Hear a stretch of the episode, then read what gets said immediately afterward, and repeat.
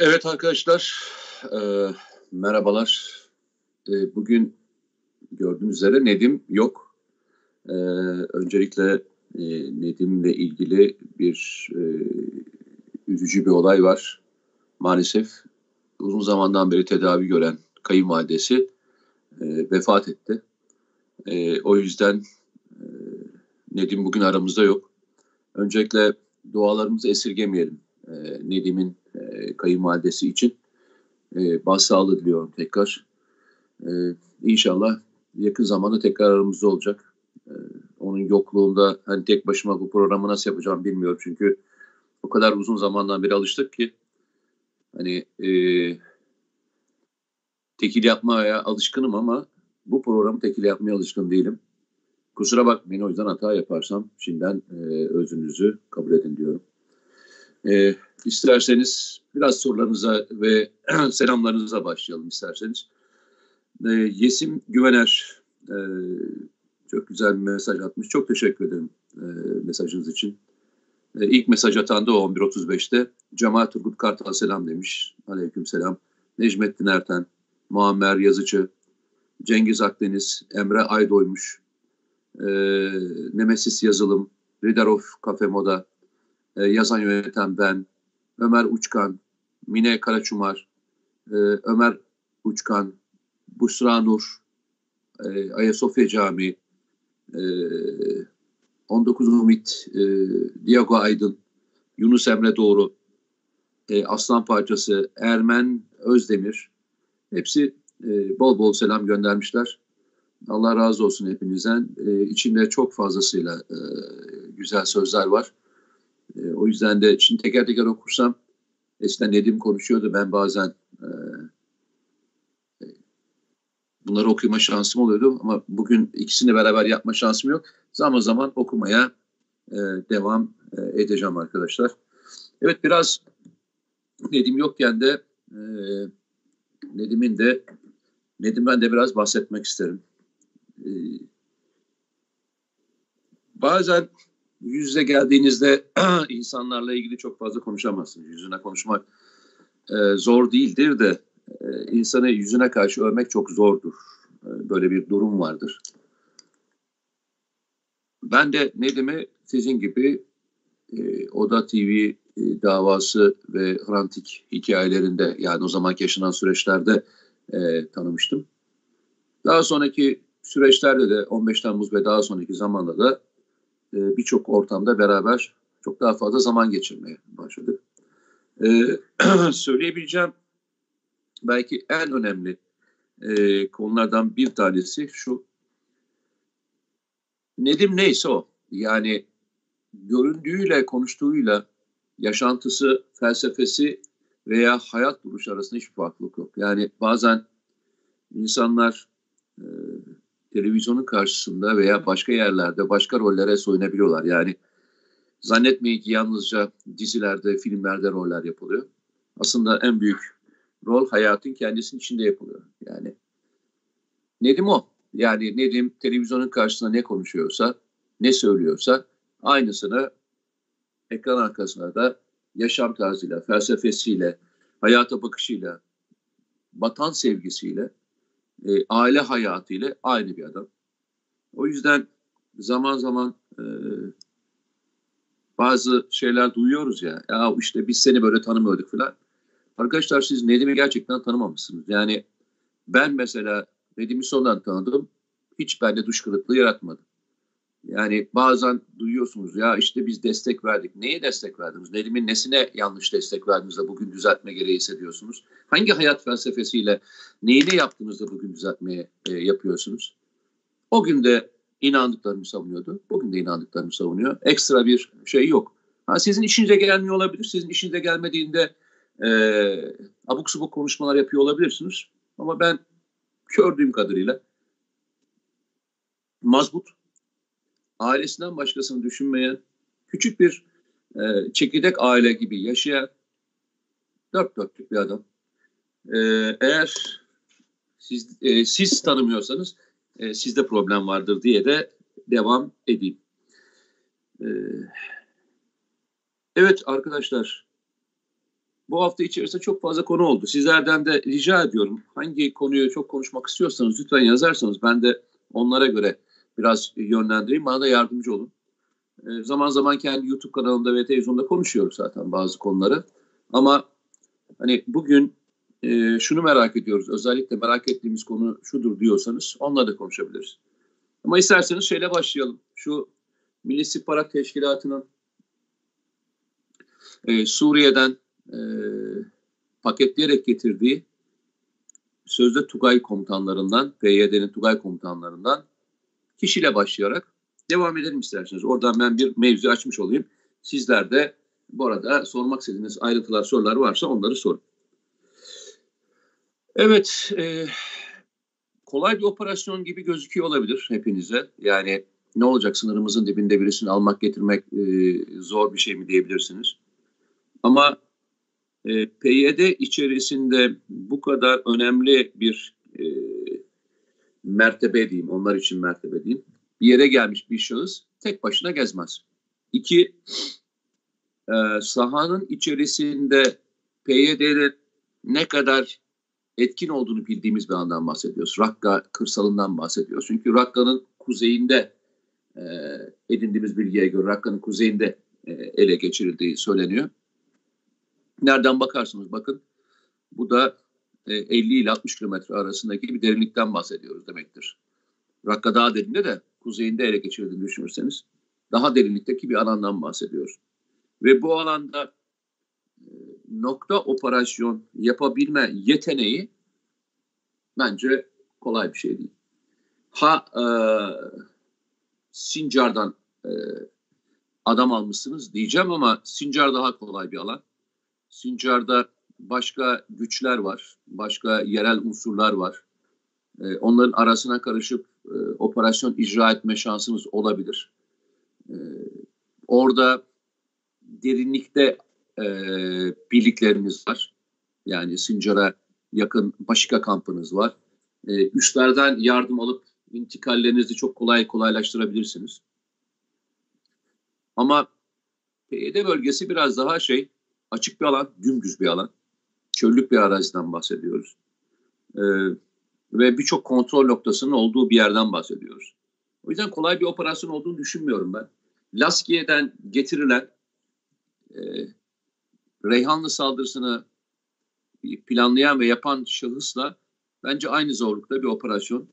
O yüzden e, Milli İstihbarat Teşkilatı'nın hanesine, artı hanesine çok önemli bir e, başarı diye yazılabilir. Artı başka bir şey daha var. Yalnızca şahsın getirilmesi önemli değil.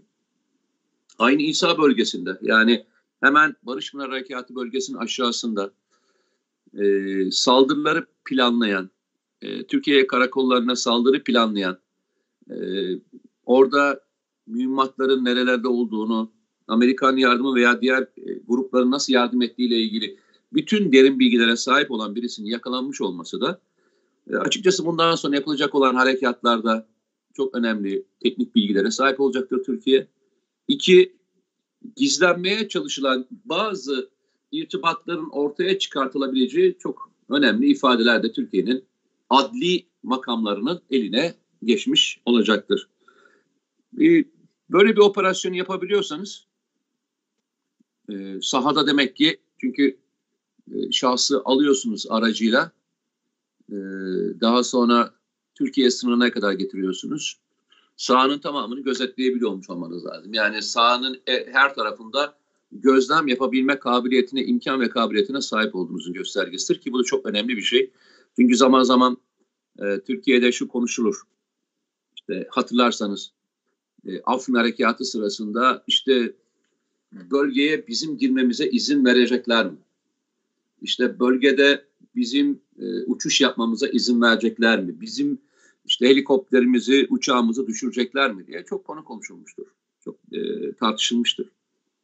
Zaman zaman bu Fırat'ın doğusunda da e, çok konuşulan konulardan bir tanesi. Amerika Birleşik Devletleri buna müsaade edecek mi diye çok konuşulur. Ama gördüğünüz üzere e, sahayı gözlemleyecek demek ki başka vasıtalar, başka unsurlar nokta olarak takip edebilecek e, başka vasıtalara sahibiz ki böyle bir e, muazzam bir operasyonu icra edebiliyoruz. Tabii çok ilginçtir. Bir taraftan teşkilat dizisini seyrediyorsunuz. bir taraftan da teşkilat dizisiyle e, nispet yapar gibi e, Milli İstihbarat Teşkilatı'nın da sahadaki faaliyetlerini izliyorsunuz. E, birisi orada birisini yakalıyor. E, o eksik kalmıyor. E, o da e, gidip gerçeğini alıp geliyor. Bir ara Kurtlar Vadisi'nde çok konuşulurdu. Yani olaylar bir gün önce bir gün sonra oluyor nasıl oluyor falan diye tartışılırdı. Artık herhalde teşkilat dizisiyle ilgili de böyle e, konuşmalar yapılacakmış gibi geliyor bana. Evet e, arkadaşlar sorular bekledim. E, sorulardan neler soruyorsunuz diye şöyle bakıyorum.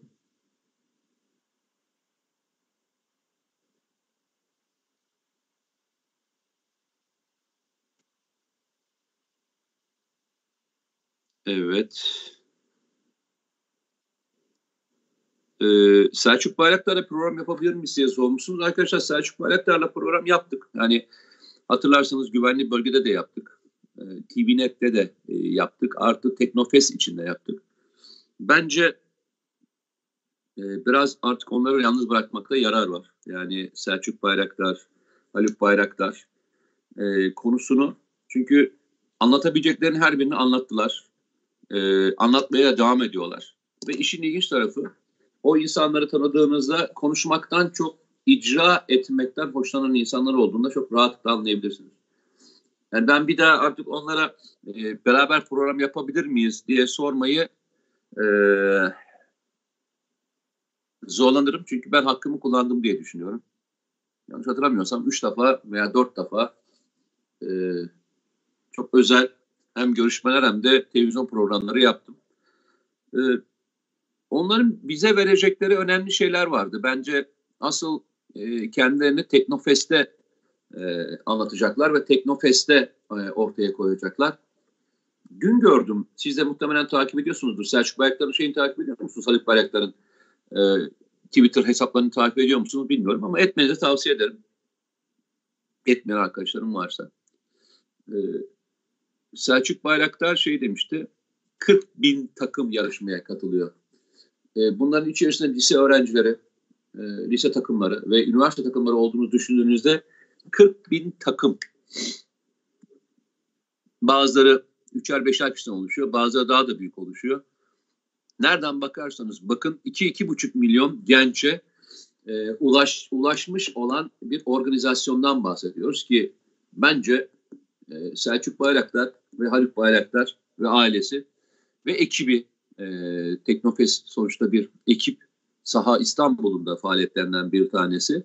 Bence muazzam bir iş yapıyorlar.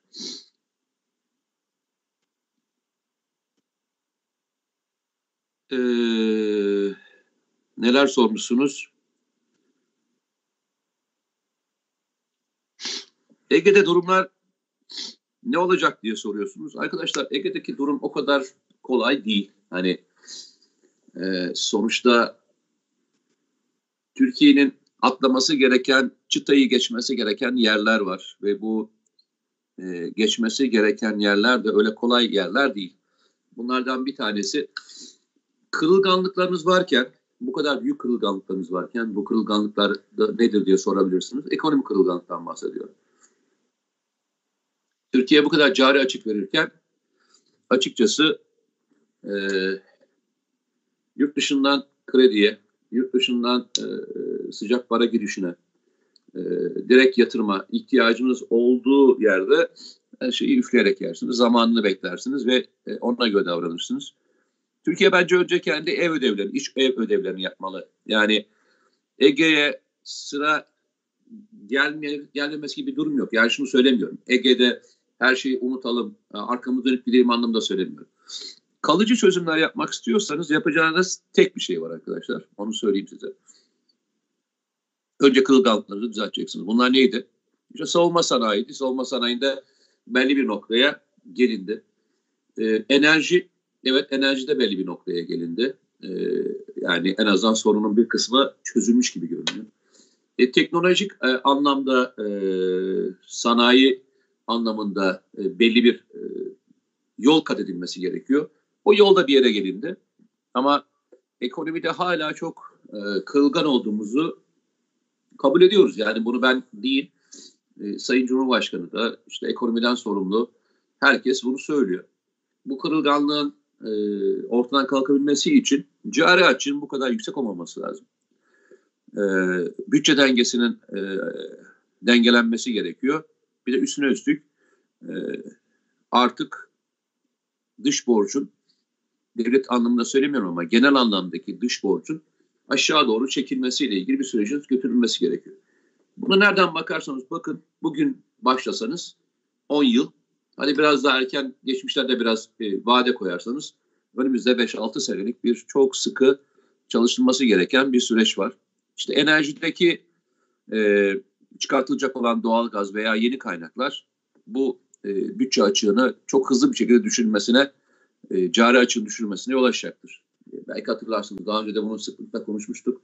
Beraber e, tartıştığımız konulardan bir tanesiydi. İlerlediğimiz yerlerden bir noktaya doğru gidiyoruz.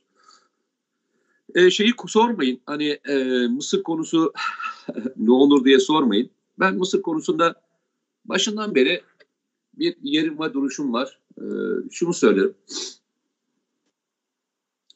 E, dış politikayı veya büyük elçiliklerin kapatılması için veya ilişkilerin kesilmesi için çok uçuk yani savaş hali haricinde e, çok kesilmemesi gerektiğini düşünüyorum. Neden diye bana bunu zaman zaman sorarlar. Ya arkadaşlar o zaman bizim Yunanistan'da büyük elçimizin olmaması gerek.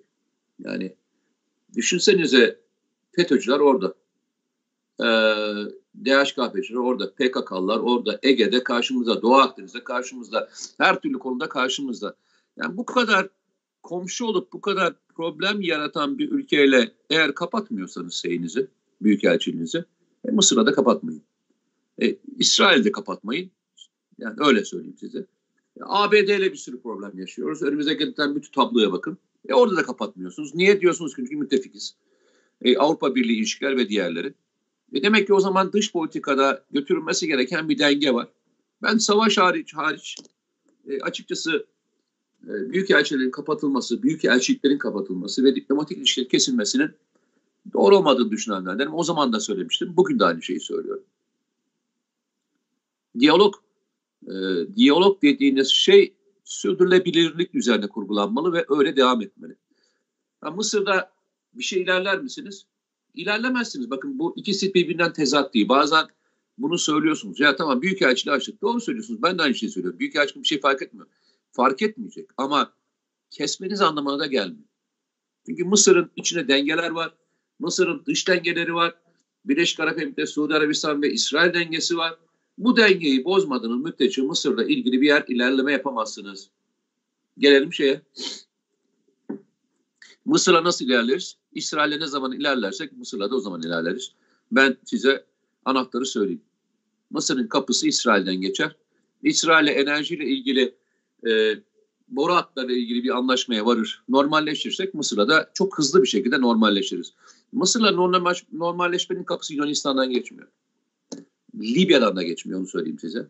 Hatta iddialı bir şey söyleyeyim. Ne Suudi Arabistan'dan ne Birleşik Arap'tan geçmiyor. Direkt İsrail'den geçiyor. Bu arada siz sormadınız ama ben söyleyeyim. Ee, Sayın Cumhurbaşkanı gün açıkladı galiba hatırlamıyorsam e, Suudi Arabistan Türkiye'den e, ne istemişti? İHA istemiş ve SİHA istemiş. Ben olsam vermem. Bu kadar net söyleyeyim. Hani benim bana fikrimi sorarlarsa vermem. Çünkü e, bugüne kadar verdiğimiz ülkeler Azerbaycan sırrımıza e, sahip çıkacaktır. Ukrayna bir şekilde sahip çıkacaktır. E, Tunus bir şekilde sahip çıkacaktır. Ama ben e, Suudi Arabistan'a Suudi Arabistan'a verilen e, bu ekipmanların anında İsrail'e, anında Yunanistan'a gideceğini biliyorum. O yüzden de e, parasını da verseler, para da verseler, e, açıkçası ben hatta iki katını da verseler, üç katında verseler ben Suudi Arabistan'a bu silah sistemlerini, bu kadar kritik silah sistemleri verilmesinin taraftarı değilim. Çünkü şu anda sahada e, ne derler ona?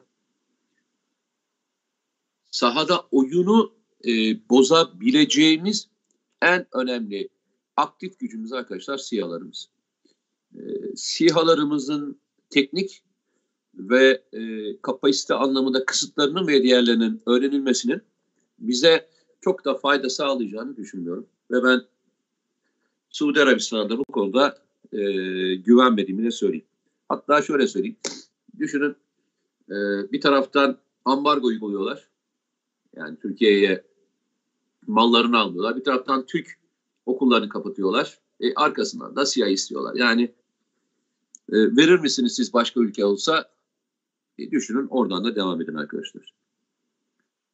Evet e, ben tek başıma 12-23'e kadar geldim. Yani bunu 50 dakika götürebilir miyim bilemiyorum ama biraz sorularınızı okuyayım ve e, devam edeyim. E,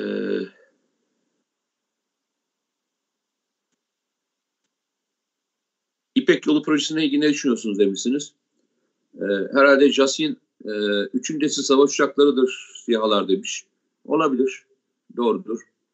E, pek pek doğru değil bu tabir. Yani aynı şekilde karşılaştırmak mümkün değil. Hatta ben size şöyle söyleyeyim. Çok ilginçtir. Geçen gün basına düştü ama yani açıkçası bunu arayıp da sormadım. E, teyit etmedim. Ama basın haberinin doğru olduğunu e, düşünerek söyleyelim. İngiliz Savunma Bakanı e,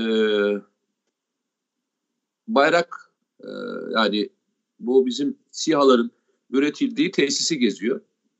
Ve orada e, anlatılana göre Selçuk Bayraktar ve diğer e, ekiple görüşüyor.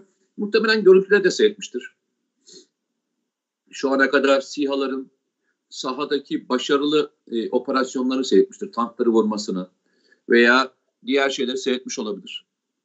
Ve bu seyredilme e, olayından sonra belki farkında mısınız bilmiyorum. İngiliz Savunma Bakanlığı'nda çok ilginç gelişmeler yaşandı. Yani çok ilginçtir. E, bir anda siyah üretmeye karar verdiler. Siyah konusunda e, çok büyük girişim oldu. Hatta bunun için fon ayırmaya karar verdiler. İkincisi de ellerindeki tankların büyük bir kısmını pek ayırdılar. Yani bizde hurdaya ayırdılar denmez de e, yedeğe ayırdılar ve e, tank sayısını azaltma kararı verdiler. E, bu kadar kritik bir ürün bu arkadaşlar. Yani üçüncü nesil savaş uçağı demek çok doğru değil e, SİHA için. İşte Güney Kore'nin, e, Fransa'nın, Almanya'nın SİHA yapma konusundaki atılımları da açıkçası e, bence yeni dönemin e, önemli e, unsurlarından bir tanesi.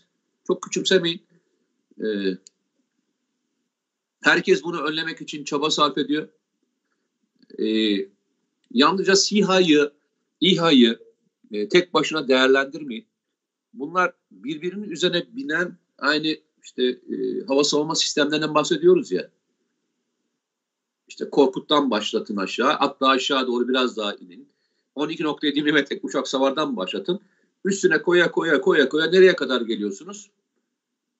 S-400 benzeri yüksek irtifa hava savunma sistemi kadar. Arada 20 tane katman var. SİHA, İHA dediğimizde aslında insansız e, otonom araçlar yani e, havada giden araçlardan bahsediyoruz. Bunların boyutları çok farklı. Türkiye yakın dönemde muhtemelen söyleyeyim ben size bunu. Kamikaze İHA dediğimiz İsrail'in de e, Azerbaycan'a verdiği ve Azerbaycan Savaşı'na çok kullanılan bir model. Bunu zaten Türkiye üretiyordu. Bu konuda çok büyük bir gelişim ve yol kat ediyor Türkiye. Yani gezen mühimmat dediğimiz havada gezen, hedefini bulduğunda hedefine doğru yönelebilen e, mühimmatlar konusunda çok seri bir noktaya gidecektir. İşte bu da bir İHA. Yani bu da bir SİHA arkadaşlar. Yani illa olayı TB2, Anka, e, Akıncı diye e, versiyon yapmayın. Veya şöyle söyleyeyim. Bizim e, özel birliklerimizde kullanılan e, daha mikro diyebileceğimiz e, gözlem aletleri de var. Bunlar da e, geceleyin gündüzün uçabiliyorlar. Çok küçük olduğu için görünme şansları yok. Yani şu kadar falan yani size söyleyeyim şu boyda. E, kaldırıyorsunuz e, gidiyor. Gece dahi olmuş olsa e, gör, görüş e, imkanı sağlayabiliyor. Adı da eşek arısı diye geçiyor. Öyle söyleyeyim size. Bu da bir otonom e, insansız vasıta. E, bu da e, parametre değiştiriyor. O yüzden e, arkadaşımın bir kez daha söylüyorum çok da şeyine e, katılamıyorum.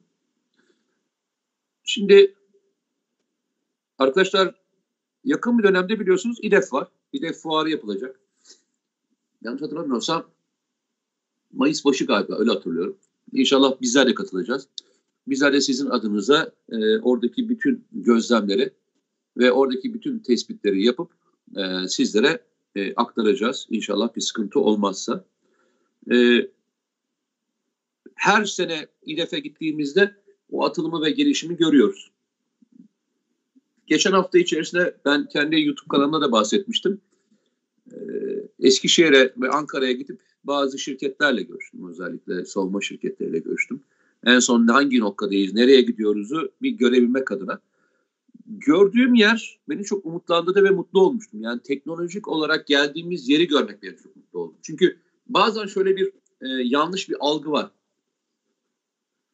Yani bir sanayi tesisi e, savunma ürünü ürettiği anda e, yalnızca savunma sanayi ürünü üretiyormuş e, kavramı çok doğru değil. Yani TEİ e, işte uçak motoru da üretiyor, helikopter motoru da üretiyor, sivil motor da üretiyor. E, yani bildiğiniz bütün motorlar üretebiliyor. Önemli olan uçak motoru veya helikopter motoru üretme teknolojisine sahip olmak. Yani o metali işleyebilmek ve onunla ilgili o mühendislik safhalarını bilebilmek, o prosedürü bilebilmek çok önemli. Onu bildiğiniz andan itibaren isterseniz MMO'ya motor yaparsınız, isterseniz Gökbey'e yaparsınız, isterseniz ATA yaparsınız, isterseniz bakın e, özellikle söylüyorum mil gemi yaparsınız. Yani milli gemiye de motor yapabilirsiniz. Kane'in şu anda geldiği nokta yerli hücum botlara yani yeni yapılacak olan hücum botların motorlarını e, Türkiye kendi yapmaya çalışacak. Nerede? TEİ'deki teknolojiyle. İşte hepimizin anlatmaya çalıştığı şey bu. Türkiye sanayi devrimiyle beraber e, belki şöyle söyleyeyim savunma sektörü e, sanayi teknolojisini de tetikliyor veya tam tersi söyleyebilirsiniz. Savunma teknolojisi, savunma e, sektöründe. Ama ben tam tersine inanıyorum. Türkiye'deki savunma sanayi projelerine gelinmiş olan teknolojik birikim diğer yerleri e, tetiklediğini düşünüyorum. Çünkü gördüğüm firmaların tamamı yalnızca askeri malzeme üretmiyorlar. Ürünlerinin birçoğu yani ciro olarak baktığınızda e, yüzde yetmişi şey yurt dışı e, ve yurt dışına e, satılan malzeme ihracat malzemesi bir de e, sivil malzeme e, çok daha fazlasıyla var. Çünkü ellerindeki tezgahlar, mühendislikler inanılmaz bir yere gelmiş durumda. Dün e, yayınlanacak muhtemelen ben size kamu spotu gibi söyleyeyim. Çok ilginçtir. Böyle bir tabir kullanmıştı çünkü. E, Akşit Hoca ile e, yaptık. M5'te yayınlanacak o. Dün ilk bölümünü seyrettim ben e, düzeltmelerle ilgili. İki bölüm halinde yayınlanacak muhtemelen. Çünkü uzun bir röportaj oldu. Sizin merak ettiğiniz birçok soruyu sordum. Hocaya şunu sormuştum. Demiştim ki ya hocam e, bana bir şey söyler misiniz? Yani helikopter motoru yapmak ne demektir falan diye sorduğumda şunu söylemişti. Ya ilginç bir şey söyleyeceğim öyle. Dünyada dedi birçok ülke e, atom bombası yapma kabiliyetine sahip değil mi dedi. Evet dedim yani. İşte evet. Yani Çin de yaptı, İran da yaptı, işte Hindistan da yaptı. Ama dedi ben sana şöyle söyleyeyim. Helikopter motoru yapmak atom bombası yapmaktan daha zor dedi. Gerçekten de öyle. Dünyada e, uçak motoru yapan firma sayısını söyledi. Dünyada 5 veya 6 tane. Gerçekten öyle. Yani ilginç şeyler var. İlginç böyle kırılmalar, ilginç böyle adamın suratına böyle çarpan e, noktalar var. E, Türkiye o e, kırılma noktalarını e, geçmiş olması beni de çok mutlandırıyor. E, lütfen e, muhtemelen bu hafta içinde yayınlarız diye düşünüyorum ben. M5'e de yayınlarız diye düşünüyorum. O röportajı seyredin. Ben yaptım röportajı M5 adına. E, içinde gençler için de çok önemli mesajlar var. E, artı savunma sanayi, artı Türkiye'nin geldiği teknolojik yolculuk anlamında da çok önemli e, böyle spotlar var. E, bunlardan da yararlanacağını düşünüyorum. Şey çok önemli. Mesela ilk arkadaşlardan bir tanesi bana şey sormuş. Yani e, işte asker olmak isteyen e, arkadaşlarım var. İşte savunma sanayinde görev yapmak isteyenler var veya işte diğer sektörlerde e, görev yapmak isteyenler var. E, arkadaşlar buradaki tek önemli şey şu. Siz ne kadar gayretli olursanız o kadar önemlidir. Bir tabir var. Ben yanlış söylüyorsam lütfen düzeltin. E, kader gayrete aşıktır diye bir tabir var yanlış hatırlamıyorsam. Yani evet siz kadere inanın e, ama gayret edin, mücadele edin ve bu mücadelenizin sonucunda da e, her zaman e, başarıya ulaşırsınız. Bu başarıyı yalnızca hedefinize ulaşmak anlamına değerlendirmeyin. Ben bunu özellikle genç arkadaşlarıma söylüyorum. Yani birçok yerde de bunu, e, üniversiteye gittiğimde de söylüyorum. Bir şeyin mücadelesini etmek azmi o işi başarttırmayabilir belki size. Ama o azim farklı farklı yerlerde size direnç noktaları verecektir. Şimdi bazı arkadaşlarımız özel kuvvetlerle ilgili sorular soruyorlar. E, o özel kuvvetlerle ilgili eğitim veya diğer komando birlikleriyle ilgili eğitim anlamında ne farklılık ver, ne, size ne öğrettiler sorusunu bana çok sormuşlardır. Ben de şunu söyledim. Kendimi ne kadar geliştirebileceğimi ve e, vücut kapasitemi e, ne kadar zorlayabileceğimi öğretmiş olması bana ve e, pes etmemeyi öğretmiş olması, öyle diyeyim, pes etmemeyi öğretmiş olması e, bana her türlü konuda e, muazzam fayda sağlıyor. İsterseniz bunu televizyon programı olarak söyleyin, isterseniz yaptığınız kitapta söyleyin, yazın söyleyin, isterseniz yaptığınız işte söyleyin, isterseniz normal özel hayatınıza söyleyin. Pes etmiyorsanız, direniyorsanız ve mücadele etme azmine sahipseniz sonunda siz kazanan oluyorsunuz. Arkadaşlar siz asker okula girmeye çalışırsınız kazanamayabilirsiniz. Ama başka bir yerde bu kadar azimle başka bir şeyde çok daha da başarılı olabilirsiniz. O Akşit Hoca ile konuşurken röportajların içerisinde bu böyle bir bölüm var. Okumanızı tavsiye ederim. Yani daha dinlemenizi tavsiye ederim. İnşallah e, o da e, gençlere yeni ufuklar açar diye düşünüyorum. Çünkü ben e, o da aynı şeyi söylemişti. Ben de e, uzun zamandan beri söylüyorum. Ben yeni nesle çok güveniyorum. Bazen hani Z kuşağı deyip böyle e, kategorize eden kısımlardan değilim ben. Ama gençler muazzam akıllılar, çok pratikler, çok zekiler e, ve e, ihtiyaç duyulan her an bu devletin ve vatanın e, hizmetindeler. Aksi Hoca'ya onu sormuştum. Nasıl başarıyorsunuz demiştim. O da gençler demişti. Ben de aynı şeyi söylüyorum. Arkadaşlar bizler sizlere güveniyoruz. Çok zeki olduğunuzu. Ee, evet e, Mete abi demiş. Akşit Hoca dediğiniz kişi Cevat Akşit Hoca'nın oğlu mu? Evet onun oğlu arkadaşlar. Onun oğlu. Evet bir beş dakika daha gideceğim arkadaşlar. Ee, ondan sonra müsaadenizi isteyeceğim. Bir kez daha e, Nedim'e, Nedim'in e, eşinin annesine ölümünden dolayı başsağlığı diliyorum. Allah rahmet eylesin diyorum. Mekanı cennet olsun. E, bir Fatiha'yı eksik etmezsiniz inşallah e, kayınvalidesi için.